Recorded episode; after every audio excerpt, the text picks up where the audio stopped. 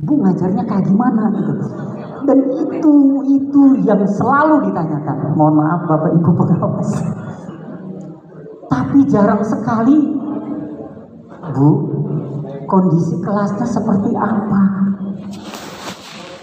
Lingkungannya seperti apa? Toiletnya seperti apa? Itu jarang sekali.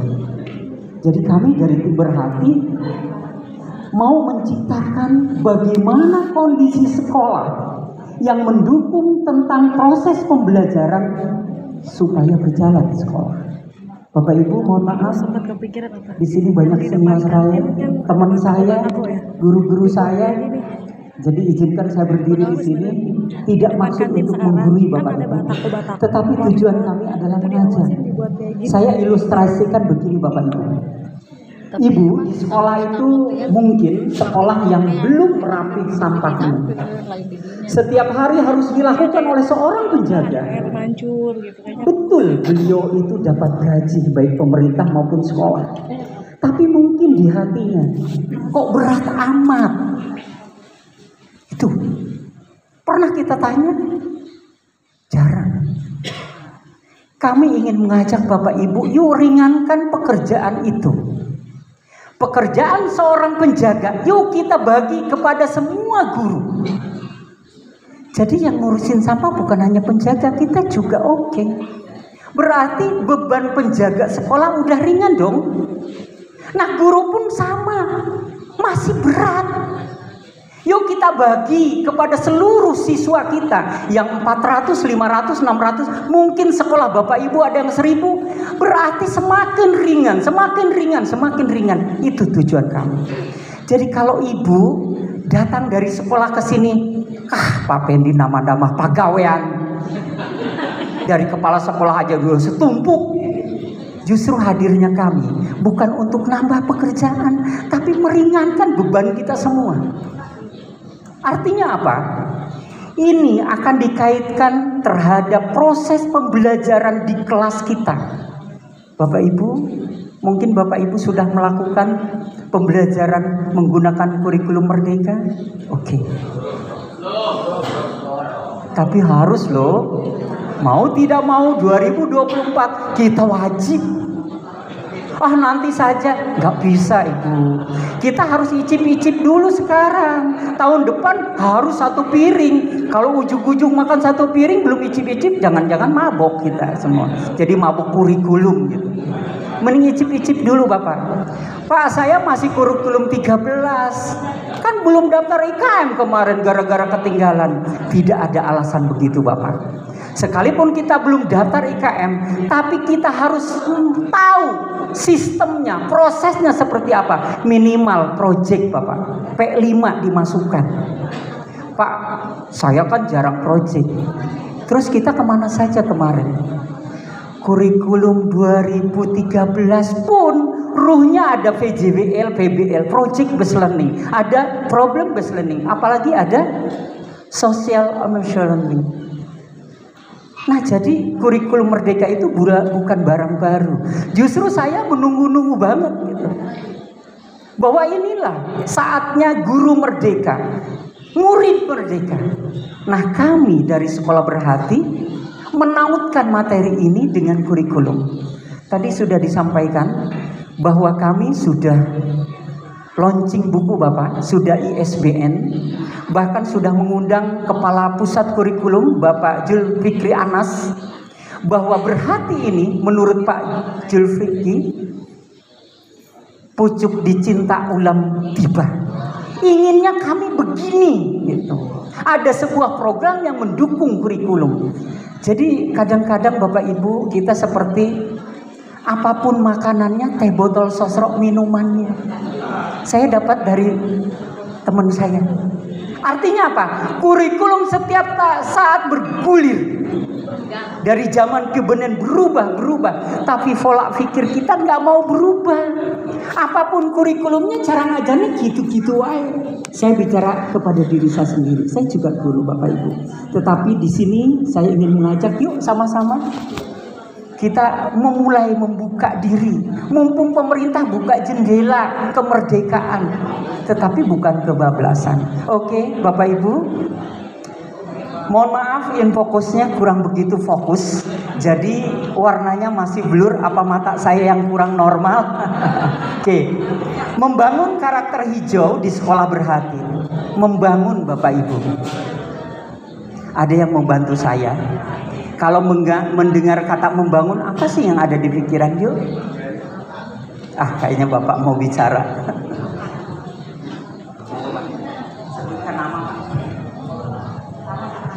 Nama saya Suranto dari SDN Benjangan 3.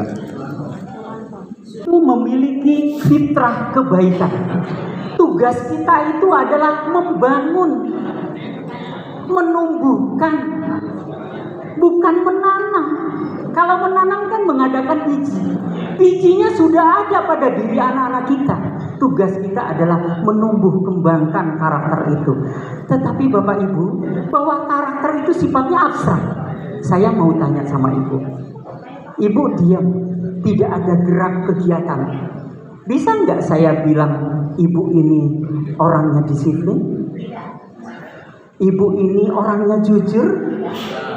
Ibu ini orangnya kreatif? Tidak bisa. Karakter itu abstrak tidak bisa dilihat oleh mata kita, tapi bisa dilakukan kita melihat kegiatan. Hmm, Bapak Ibu, jadi karakter itu bisa terlihat apabila seseorang melakukan sebuah perbuatan, sebuah kegiatan.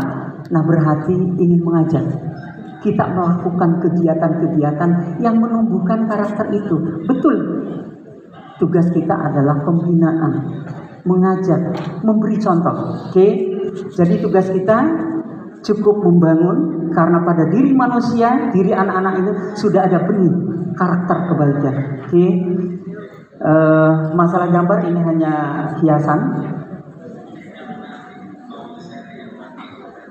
Bapak Ibu, Lingkungan sekolah sebagai wahana pembiasaan perilaku peduli lingkungan sehari-hari. Ibu, sekolah. Sekolah itu harus menjadi pilot project. Paham pilot project? Artinya apa? Apabila kita ingin melihat bagaimana keadaan suatu wilayah, lihat dulu sekolahnya.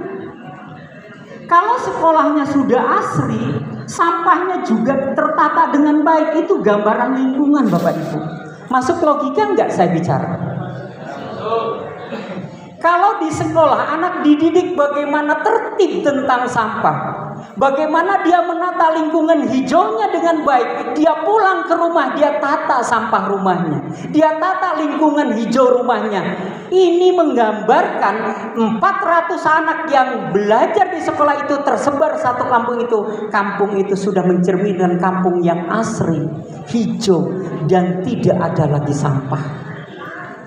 Ibu mungkin tadi berjalan tengok kanan kiri?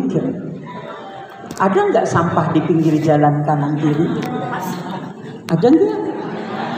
Ada. Siapa yang melakukan? Orang dewasa kan? Itu. Bapak Ibu, kenapa kami dari tim pemerhati mau berbicara itu? Ketika ada krisis lingkungan, kalau ditanya Bapak Ibu, jujur ya kita berbicara jujur. Siapa yang harus bertanggung jawab tentang persoalan sampah? Siapa yang bertanggung jawab tentang kerusakan lingkungan? Saya walaupun gemetar akan lebih dulu ngajungkan tangan saya. Karena apa? Orang dewasa yang melakukan kerusakan di bumi dulunya belajar di sekolah kita. Dulunya dia pernah duduk di sekolah. Walaupun waktu itu kita bukan jadi gurunya. Tetapi kita sebagai barisan guru harus bertanggung jawab. Di sana di Pako Haji, ah di Sukadiri apa? Di Mauk sana ada gunung sampah. Sangat memprihatinkan. Dari mana asalnya? Termasuk dari sini.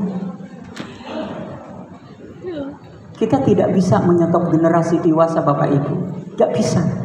Tapi tugas kita adalah menggantikan generasi dewasa untuk anak-anak yang sekarang. Manusia ada batasnya Bapak Ibu. Pensiun, sakit, meninggal. Mohon maaf. Pasti generasi berikutnya anak-anak kita yang sedang di sekolah. Kalau kita biarkan karakter lingkungannya tidak baik, akan mengikuti generasi yang dewasa sekarang. Sampai kapan? Tidak ada penyelesaian. Rantai setan terus beliau. Jadi mohon maaf, suara saya berat mungkin, tetapi berhati itu ingin mengajak dari hati Bapak Ibu. Jadi sekolah itu harus jadi pembiasaan Bapak. Saya, saya mohon maaf ya, saya dengan teman suka bilang begini. Nah, kamu jarang nyapu ya di rumah.